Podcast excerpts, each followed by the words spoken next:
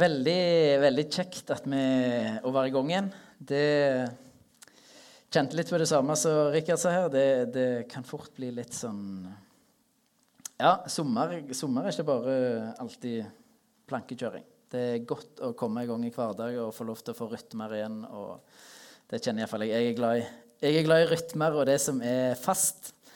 Da, da trives jeg best. Ja, vi, vi vi bare kjører på her. Eh, vi skal snakke denne, denne, høsten om det å være sendt. Det var noe vi kjente på i vår med lederteamet, at det, det, er noe vi har lyst å snakke om. Eh, og det handler egentlig om hvorfor Ulsteinvik frikirke fins. Det er egentlig det som er greia her. Eh, derfor vil vi snakke om det å være sendt. For vi, vi, vi, trenger å forstå vår eksistens. Hvorfor er vi her som mennesker? Hvorfor er vi her som kristne? Hva er greia? Hva er greia? Og hva er det Gud tenker om dette? Forrige halvår så, så vi på Guds, hvordan ser Guds rike ut i praksis. Eh, hvordan ser det ut der Gud får lov til å være konge? Og hvordan praktiserte disiplene til Jesus? Det var de som Jesus snakket mest om Guds rike. Og, og vi så gjennom apostelens hjerne hvordan, hvordan praktiserer disiplene det som Jesus faktisk snakket om med Guds rike. Hvordan ser det ut? Men nå skal vi se på hvordan vi er sendt på akkurat samme måte som de første kristne, og hvordan vi kan være med på å bringe Guds rike til Ulsteinvik. Det skal vi se på. Eh, vi har en visjon som sier at vi vil lede mennesker nærmere Jesus og tjene Ulsteinvik med Guds godhet. Det har vi sagt, det er derfor vi er til. Det er derfor Ulsteinvik frikirke fins. Det er det vi ønsker å nå. Det er det vi ønsker å strekke oss mot. Det er retningen som vi ønsker å, å, å ha som menigheten. Det er grunnlaget for vår eksistens. For det var det Jesus lærte oss, og det vi ser de første kristne gjorde. De første kristne var med på å bringe Guds rike til jorda sånn som Jesus lærte oss å be Fader vår. La ditt rike komme. Her på jorda, akkurat sånn som skjer i himmelen. La Gud bli konge her i Ulsteinvik på samme måte som han er konge i himmelen. Det er det Jesus lærer oss å be. Eh, og vi ønsker å være med på det eh, og bringe Guds rike til Ulsteinvik ved å lede mennesker nærmere Jesus og tjene Ulsteinvik med Guds godhet. Eh, jeg har lyst til å begynne med et, et bibelvers som er noe som vi, vi kanskje leser fort over. Dette sier Jesus etter han har stått opp igjen. Så sier han til disiplene i Johannes kapittel 20, vers 21. Igjen sa Jesus til dem, fred være med dere. Som Far har sendt meg, sender jeg dere. Og det er sånn, ja, det kan vi sånn, ja, Flott, det. Altså, Tenk for hva Jesus sier. På samme måten som Gud sendte Jesus på samme måten er meg og deg sendt. På samme måten som Jesus la ned sitt eget, la ned sitt liv for at mennesker skulle få lov til å finne Gud, så sier Jesus på samme måten er dere. Det er dere også kalt til. Det er dere også kalt til. På samme måte som Jesus var sendt for å bringe evangeliet, de gode nyhetene, på samme måte er vi sendt for å bringe de gode nyhetene. Og Det er ikke sikkert du var klar over det Kanskje du tenkte at det var et valg du hadde. Det er det altså ikke. Det er ikke et valg. Du er sendt. Du er sendt til verden på samme måte som Jesus eh, ble sendt. Hvis du tror på Jesus. Da er du sendt per definisjon. Eh, og jeg har lyst til å prøve å dra litt store linjer for å prøve å forklare og bevisstgjøre oss på hvordan, hvordan dette fungerer, eh, og hva det innebærer for oss. Og da må, vi, da må, vi, ofte gå tilbake til begynnelsen, altså. Med skapelsen. Når vi, når vi leser skapelsen Det er noen ting som ikke helt kommer fram i, i, i skapelsen, kanskje før du leser litt seinere ut, ut, i andre Mosebok, kanskje. Eh, men i skapelsesberetningen så leser vi om at på sju dager så skaper Gud verden og fyller den med dyr og mennesker. Og Han setter mennesker i en hage, Edens hage. Og vi leser at Gud vandrer i denne hagen sammen med Adam og Eva. Og Nå skal jeg stille et spørsmål som, som, er ganske essensielt og viktig å svare på, som forklarer egentlig ganske mye av eh, Ja, tror, for meg så forklarer det mye. Og spørsmålet er Hvor var himmelen når Adam og Eva var i Edens hage? Hvor var himmelen? Vi, vi tenker jo, sånn, vi er ganske bevisst kristne. Ja, Kristen handler om å komme til himmelen. ikke sant? Det er hele poenget, tenker vi.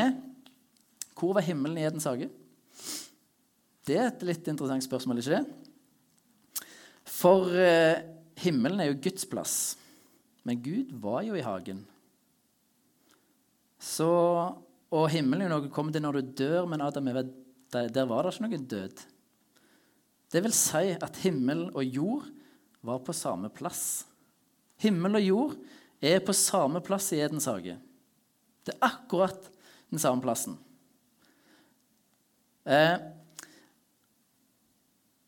og så vet vi jo at, eh, at det gikk jo, dette, dette, gikk ikke så bra så veldig lenge. Adam og Eva gjorde opprør mot Gud. Ondskap kom inn i verden. Mennesket kunne ikke lenger være sammen med Gud. Og himmel og jord var ikke lenger samme plassen. Døden kom inn i verden. Eh, ser, ser unektelig ganske negativt ut, ganske dårlig ut. Men vi får kjapt vite at Gud har en plan for å fikse dette. Og når vi leser utover, kommer, leser om at vi kommer til et israelsfolk Gud har befridd dem ut fra slaveri i Egypt, så leser vi noe interessant. For Gud han instruerer Moses til å bygge et telt. Eh, et telt der han kan bo. Der Guds nærvær kan være. Det får Moses beskjed om. Så der i tabernakelet, eh, som er et relativt eh, stort telt, eh, veldig pynta, vanvittige instruksjoner på hvordan vi skal bygge dette, her, eh, dette teltet eh, Der kommer Gud og fyller med sitt nærvær. Og eh, der skjer det en overlapp. Igjen, på, det, på denne plassen så er himmel og jord på samme plass. I tempelet, eller i tabernaklet, så er himmel og jord samme plass. For Guds nerver fyller Vi leser om at, at, at det fyller Guds nerver fyller hele greia. Eh, og Tabernakelet ble innviet i sju dager, akkurat som at Gud skapte verden på sju dager. Egentlig så er Edens hage et tempel. Edens hage er et tempel, for der er himmel og jord samme plass. Eh, og vi, vi, kan lese det som står om, om, eh, om når det i, fra 2. Mosebok, kapittel 40, vers 34-35. Så dekket skyen telthelligdommen, og Herrens herlighet fylte boligen. Moses kunne ikke gå inn i telthelligdommen fordi skyen hadde tatt bolig over den, og Herrens herlighet fylte boligen. Boligen er da tabernaklet. Det er det som skjer. Og så leser vi også at når de innvier det første offeret, så kommer det ild fra himmelen og på en måte setter fyr på offeret som et tegn på at Gud aksepterer offeret, på en måte, og det er fantastisk stemning i Israelsleiren. Nå eh, Gud er her, og vi blir tilgitt, og de jubler og de danser, og det er helt fantastisk. Så kan vi gå litt videre i historien. Så kommer vi til Salomo, som bygger et tempel for Gud. Og i det tempelet så hvis, hvis, du har lyst til å lese beskrivelser, så leser du om granatepler og palmer. og vet ikke hva det ikke er. Og alt er Edens hagebilder. For det Edens hage var et tempel. Eh, og nå, nå, skal det være bilder som går igjen i tempelet, for det er den plassen der, der himmel og jord møtes. Det er den tempelplassen der Guds nærvær er, der Guds herlighet er. Og Så innvier det, det tempelet i to ganger sju dager, altså 14 dager, for å ta den helt ut. Eh, og så kan vi gå litt lenger og komme til Jesus. Når vi leser Johannes evangeliet kapittel 1 og vers 14, så står det noe veldig interessant. Og ordet ble menneske og tok bolig iblant oss. Og vi så hans herlighet, en herlighet som den enbårne sønn har fra sin far, full av nåde og sannhet. Det virker kanskje ikke så veldig spennende når, sier, når vi leser det sånn. Det som er interessant, er at det der står 'tok bolig', det betyr egentlig 'slo opp tabernaklet', eller 'tabernakla iblant oss'. Det er det, det greske ordet. Eh, så det Johannes forteller oss, er at Jesus han er tempelet. Det, bygd, eh, det tempelet som Salomo bygde, det ble jo ødelagt av Nebukaneser og gjengen. Det ble bygd opp igjen seinere, men en leser aldri at Guds nærvær fyller dette tempelet. Og paktkista er vekke, den som skulle stått i det aller helligste. Der er det tomt. Så en, en vet ikke helt er dette tempelet, Har Gud kommet i dette tempelet? Kommer Jesus og sier at han er tempel? Det er interessant. Eh, Jesus er plassen der himmel og jord er den samme. Jesus er der Guds nærvær er. Han, han er Guds nærvær. Og Johannes sier at vi så hans herlighet på samme måte som herligheten snakk om i tempel og i tabernaklet. Og Dette er ikke noe Johannes finner på sjøl. Vi, vi, kan lese senere hva Jesus sier i kapittel 2, vers 19. Så sier Jesus.: Riv ned dette tempelet, og jeg skal reise det opp igjen på tre dager. Og Da snakker han om seg sjøl, at han er tempelet. Han I hans død etter tre dager så er han tempelet. Eh, og Det blir gjentatt i de andre evangeliene under forhøret av Jesus.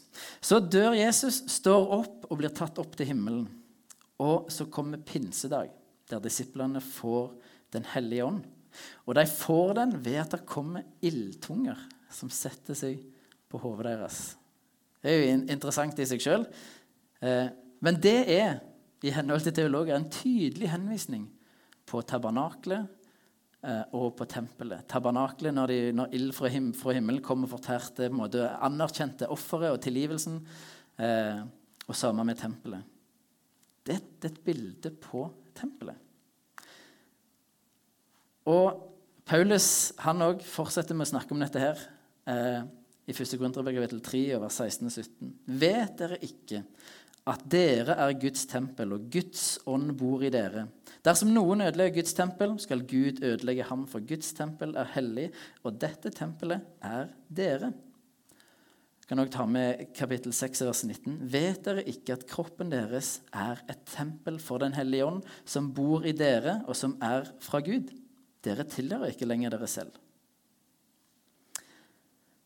Så vi er Guds tempel. Og da, da altså Forstår du Forstår du hva det betyr? Forstår du hva det innebærer? Vi er plassen der himmel og jord møtes. Vi er plassen der Guds nærvær er.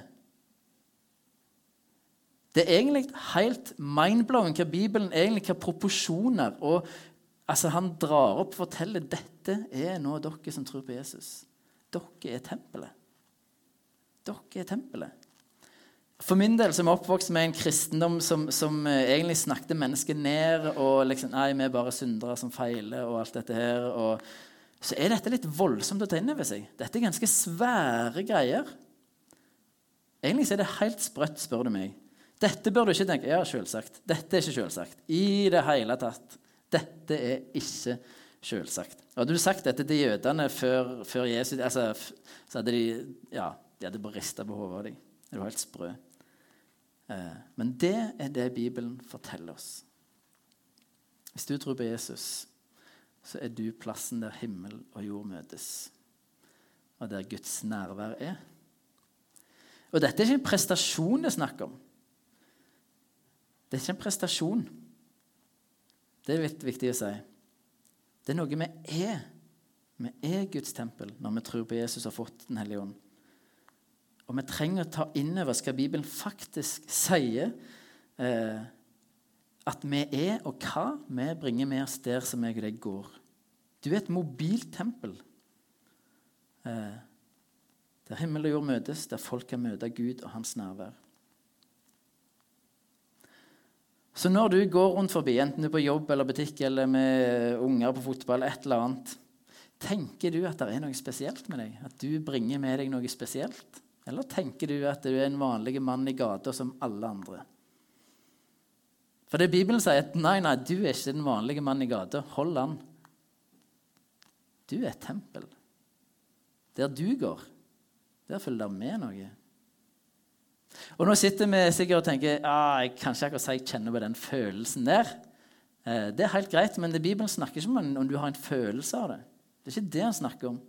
Han bryr seg faktisk fint lite om hva du føler i akkurat dette. her. Det er, en, det er en tilstand. Det er ikke en følelse, det er en tilstand. Du bringer med deg noe der du går, for du er et tempel. Du er plassen der himmel og jord møtes, der folk kan få et glimt av Jeg sier ikke et perfekt bilde av, men et glimt av hvordan det ser ut der Gud er konge, der Guds rike er, der Han får regjere. De kan få et glimt av Guds herlighet og Guds nærvær der du er. Det er helt, eh, helt sprøtt.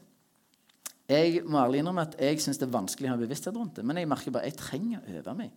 Når jeg satt og jobbet med dette, så tenker jeg dette her er stort. altså. Dette her er stort. Jeg må slutte å tenke meg sjøl ned. altså. Jeg må begynne å holde fast på hva som er sant, hva Bibelen sier er sant. Eh, og, også ikke tenke så mye på disse følelsene, for de stemmer sjeldent. Eh, jeg tror at Hvis vi hadde hatt dette som vår identitet, som fundament for, for hvordan vi så på oss sjøl, så tror jeg vi hadde tenkt annerledes når vi går på butikken, f.eks. Jeg tror vi hadde tenkt annerledes i vårt møte med andre mennesker dersom, dersom det at vi er Guds tempel, var grunnfesta i hva vi tenkte om oss sjøl, hvordan vi ser på oss sjøl. Og jeg tror vi hadde tenkt annerledes om synd. For fortsettelsen på, verset vi nettopp leste, det er sånn i vers 20. Dere er kjøpt og prisen betalt. Bruk der kroppen, altså tempelet, til Guds ære. For det vår kropp er Guds tempel, så er det selvsagt at den kroppen skal brukes til Guds ære. Og synd er ting som vil gjøre dette ureint. Synd vil gjøre det ureint det, det kanskje er litt vanskeligere å, få øye på Gud. Jeg vet ikke hvordan det helt blir, men, men synd er noe som gjør dette tempelet ureint. Vi tenker på synd som rett eller galt som regel, og det er en veldig snever definisjon av synd. Eh, synd er noe mer, og vi bør tenke det Jeg tror vi bør tenke litt annerledes om det. Poenget er ikke at vi skal gå rundt og tenke at fordi vi synder, så funker vi ikke som Guds tempel. Vi begynner ikke den veien. Men for det med Guds tempel så prøver vi å unngå synd. Fordi vi har lyst til å ære Gud og vise andre hvem Gud er, sånn at folk kan få et glimt av Guds rike, av, av Guds nærvær, av hvordan det ser ut der, der, Gud regjerer.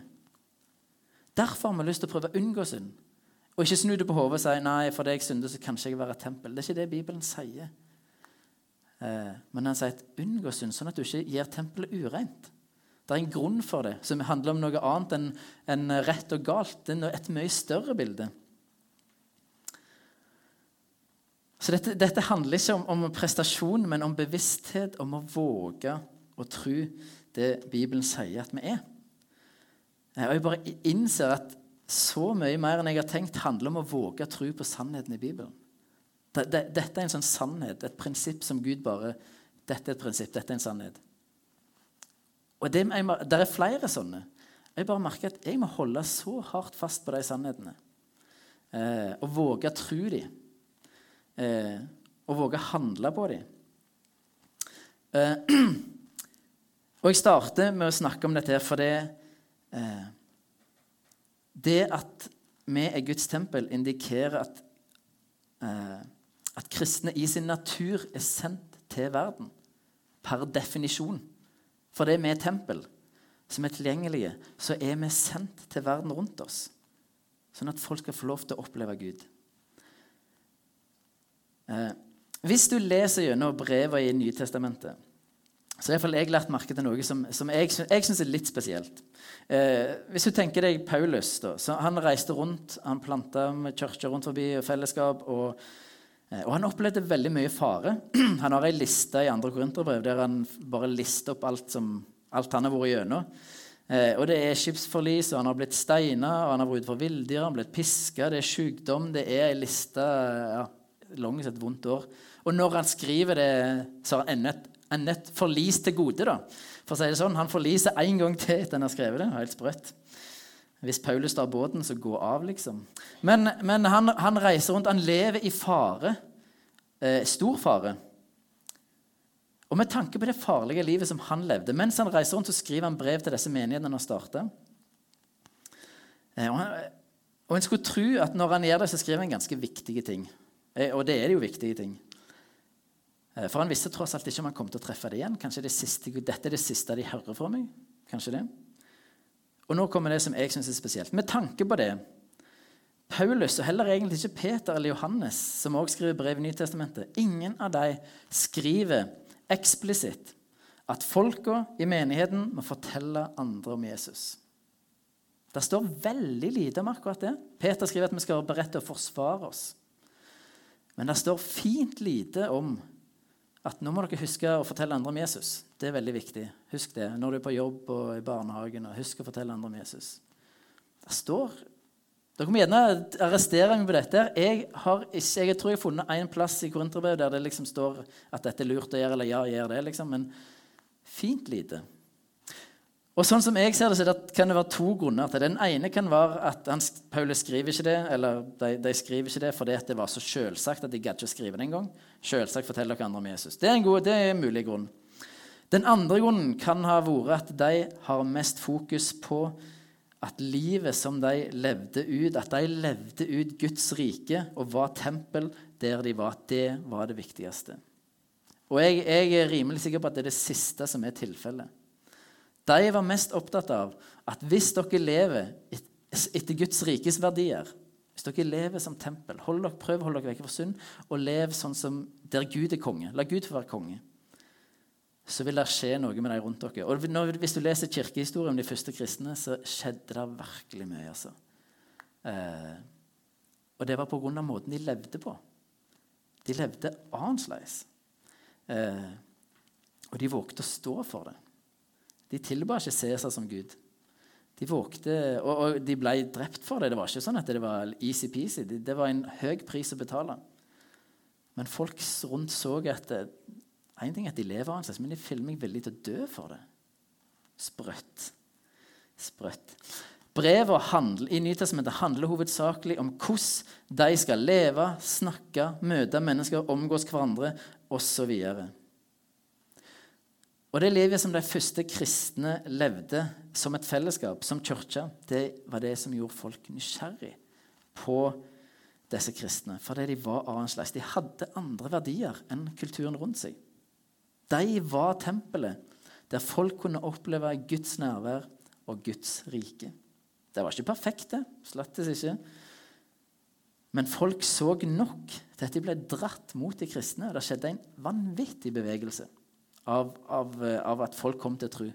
Helt sprøtt. Og det kosta vanvittig. Det gjorde det. Eh, men det er fascinerende å se hvordan dette sprer seg. Og jeg tror det var fordi de levde som tempel.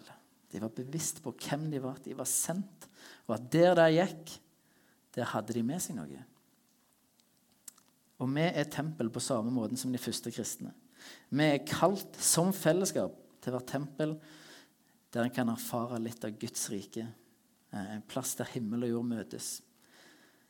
Eh, og Jeg velger bevisst å si at vi er et fellesskap. Når vi leser brevet, så leser vi de ofte som at det gjelder meg individuelt. Eh, og Det er ikke nødvendigvis feil å tenke det, men de som fikk brevet, leste de som at det gjaldt fellesskap. De hadde ikke en individualistisk tankegang. Det var fellesskapet, det var familien som betydde noe. Ikke meg som individ. Det sto ikke i sentrum. Det er fellesskapet som står i sentrum. Hvordan vi lever som fellesskap, som familie, som kirke, og da mener jeg alle de tre ordene er det samme, har utrolig mye å si eh, for de rundt oss, om de får se. Hvordan er vi som tempel i lag? Det er utrolig mye å si for hvordan de rundt oss, om de får se om de kan få et glimt av Guds rike. Eh. Så Derfor så vi, vi, vi, å leve som et sånt fellesskap. Ikke bare at jeg som, jeg som, individ trenger å leve som et tempel og holde meg vekke fra synd. Men vi som fellesskap, vi som kirke, som familie, vi trenger å være bevisst på hvordan lever vi i lag. Elsker vi hverandre? Tilgir vi hverandre? Bærer vi over med hverandre? baksnakker vi hverandre. Vi trenger å være bevisst på de tingene, for hvordan vi er mot hverandre forteller ganske mye for de rundt oss. Eh, så vi er tempel både individuelt og som fellesskap. så er vi tempel, En plass der himmel og jord møtes. Der Guds nærvær er. Der folk kan få et glimt av Gud. Og det må vi ta med oss. altså. Det, det, må, vi, det må vi forstå at der du går, der, der fyller det med noe. Og iallfall hvis du er bevisst på det. Hvis du ikke er bevisst på det, det er ikke sikkert det skjer så veldig mye. Kanskje mer enn vi vet, men det skal ikke jeg si noe om. Men, men jeg, tror det, jeg, tror det, betyr noe om vi er bevisst på det eller ikke. Jeg, jeg tror det betyr noe at vi har dette som vår identitet. Jeg er et tempel. Jeg er en bolig for Gud. Eh, og der jeg er, der møtes himmel og jord. Det er ganske sprøtt. Eh, og dette er ikke et byrde, dette er et vanvittig privilegium. Dette er et vanvittig privilegium. Eh, og vi må ikke snakke, tenke oss sjøl ned. De følelsene de får bare være en plass, og så kan de ha seg der. Men sannheten, den må opp, og den må fram, sånn at vi kan begynne litt etter litt mer og mer å forstå jeg er, jeg er dette tempelet. Dette er meg. Jeg ikke, jeg, der jeg går, der følger det med noe. Der er, der er muligheter der jeg går. Eh, der, der, kan skje noe der jeg går. For det, ikke i meg sjøl, men fordi Jesus bor i meg, fordi jeg har fått Den hellige ånd, fordi jeg er et tempel. Og vi er sendt. og det, det, Jeg bare begynner med dette som tempel for å ha en sånn fundament for det andre vi kommer til å snakke om. Eh, for nå er det ikke så veldig spesifikt hva vi skal gjøre, men dette handler om identitet. Vi må begynne der, da. Hvem er vi i Gud? Dette er en av de tingene. Vi er Guds barn, vi er hans tempel, eh, som får lov til å vise andre hvem Gud er. Eh, jeg har noen refleksjonsspørsmål som jeg pleier å ha. Som jeg, bare, jeg vil, vil du skal bare reflektere litt over. Eh, har du en forståelse av at du er sendt på samme måte som Jesus? Eh, og hvis du ikke har det, hva, hva, er det som gjør at du ikke tenker de tankene der? Jeg sier ikke at det er selvsagt. Ja, det bør du selvsagt tenke. Nei, jeg tror snarere tvert om. Så tror jeg de fleste av oss ikke tenker det. Men hvorfor tenker vi ikke det? Hva er det som gjør at vi ikke tenker de tingene der? Eh, hvor kommer de Altså Bare identifisere noen av disse Hva er det som holder oss nede til å tenke at vi ikke er det? Eller at vi ikke kan være det? Eller at vi ikke Nei, du, kanskje. Eh, hva er de tingene der? Hvem? Hvordan? Er det personer? Er det, er det kultur? Er det tankegods? Eh, hva, er det for noe? Og så har jeg lyst til å spørre deg Tenker du deg sjøl opp eller ned som kristen? Hva må du justere med tanke på hvor høyt Bibelen snakker om oss og vår hensikt? Må du justere deg opp eller ned? Og dette går litt på personlighet. Eh, noen av oss eh, jeg, jeg, er litt sånn eh, person som, som ser glasset ofte som halvtomt. Da. Eh, jeg er litt sånn i den gata der. Mens noen ser det alltid som halvfullt og ser, ser kun muligheter og alt dette her. Så der er vi litt forskjellige. Der, der, er, der er vi forskjellige. Men vi trenger uansett å tenke sant om oss sjøl. Uansett. Jeg har kanskje en større jobb å gjøre enn noen av dere som tenker annerledes. Eh, og ære være deg hvis du tenker mer sant om dette enn deg. Det er fantastisk. Men, men, er det noe du trenger å justere? Er det noe i Forstår du hvor høyt Bibelen setter deg, og, og hva Gud tenker om deg? Hvordan han, ønsker, hvordan han bruker deg? Har du rett bevissthet, eller tenker du deg sjøl ned? Hva må du justere på i så fall? De to tingene der eh, vil jeg du skal tenke litt om. Eh, ja. La oss bare be litt. Jesus, jeg har lyst å Jeg har lyst til å takke deg for at, skal, at, at du setter oss så høyt. Ikke nok med at du elsker oss, at du kom for oss. Du, du elsker oss mens du var her. Du, du levde vårt liv. Du gjorde alt rett, det som vi skulle ha gjort rett, og så dør du vår død. Du tar straffa som vi skulle hatt, sånn at vi slipper. Og så gir du oss Den hellige ånd, og så gir du oss til tempel.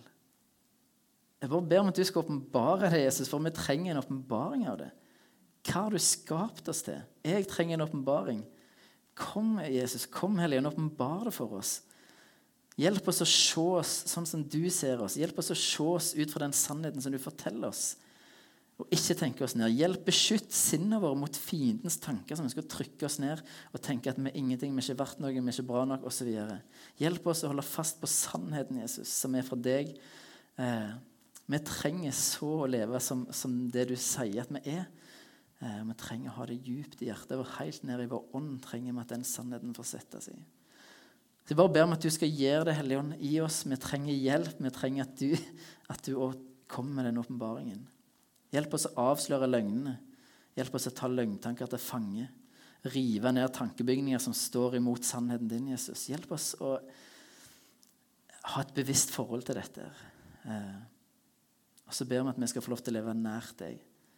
Eh, få lov til å være disse templene eh, som, som, får lov til å skinne, som får lov til å være plasser der folk kan få oppleve deg, Gud. Takk for at du har gitt oss den æren det er å få lov til å være i en sånn posisjon. Eh, og så ber han om vi skal få lov til å ha den rollen og virkelig leve som tempel. På tross av at vi fremdeles sier ting som er galt og feiler, så er du den samme, og Den hellige ånd bor i oss. Eh, Så jeg ber om at vi skal få lov til å være en familie som er tempel der vi er, eh, som tenker sant om oss sjøl, og som er bevisst på at der vi går, der møtes himmel og jord. Der kan det skje store, store ting. Jeg ber om at du skal velsigne denne høsten for oss. Eh, jeg ber om at, at, du skal snakke til oss, tale til oss, at du skal lede oss. Jeg ber om at vi skal få lov til å bety noe for Ulsteinvik, at vi skal få lov til å bety en forskjell, at vi skal få lov til å vise deg, Jesus. Eh, må du bare bygge de kirka her i Ulsteinvik, sånn som du har lovt. Og så må du bruke oss sånn som du ønsker. Amen.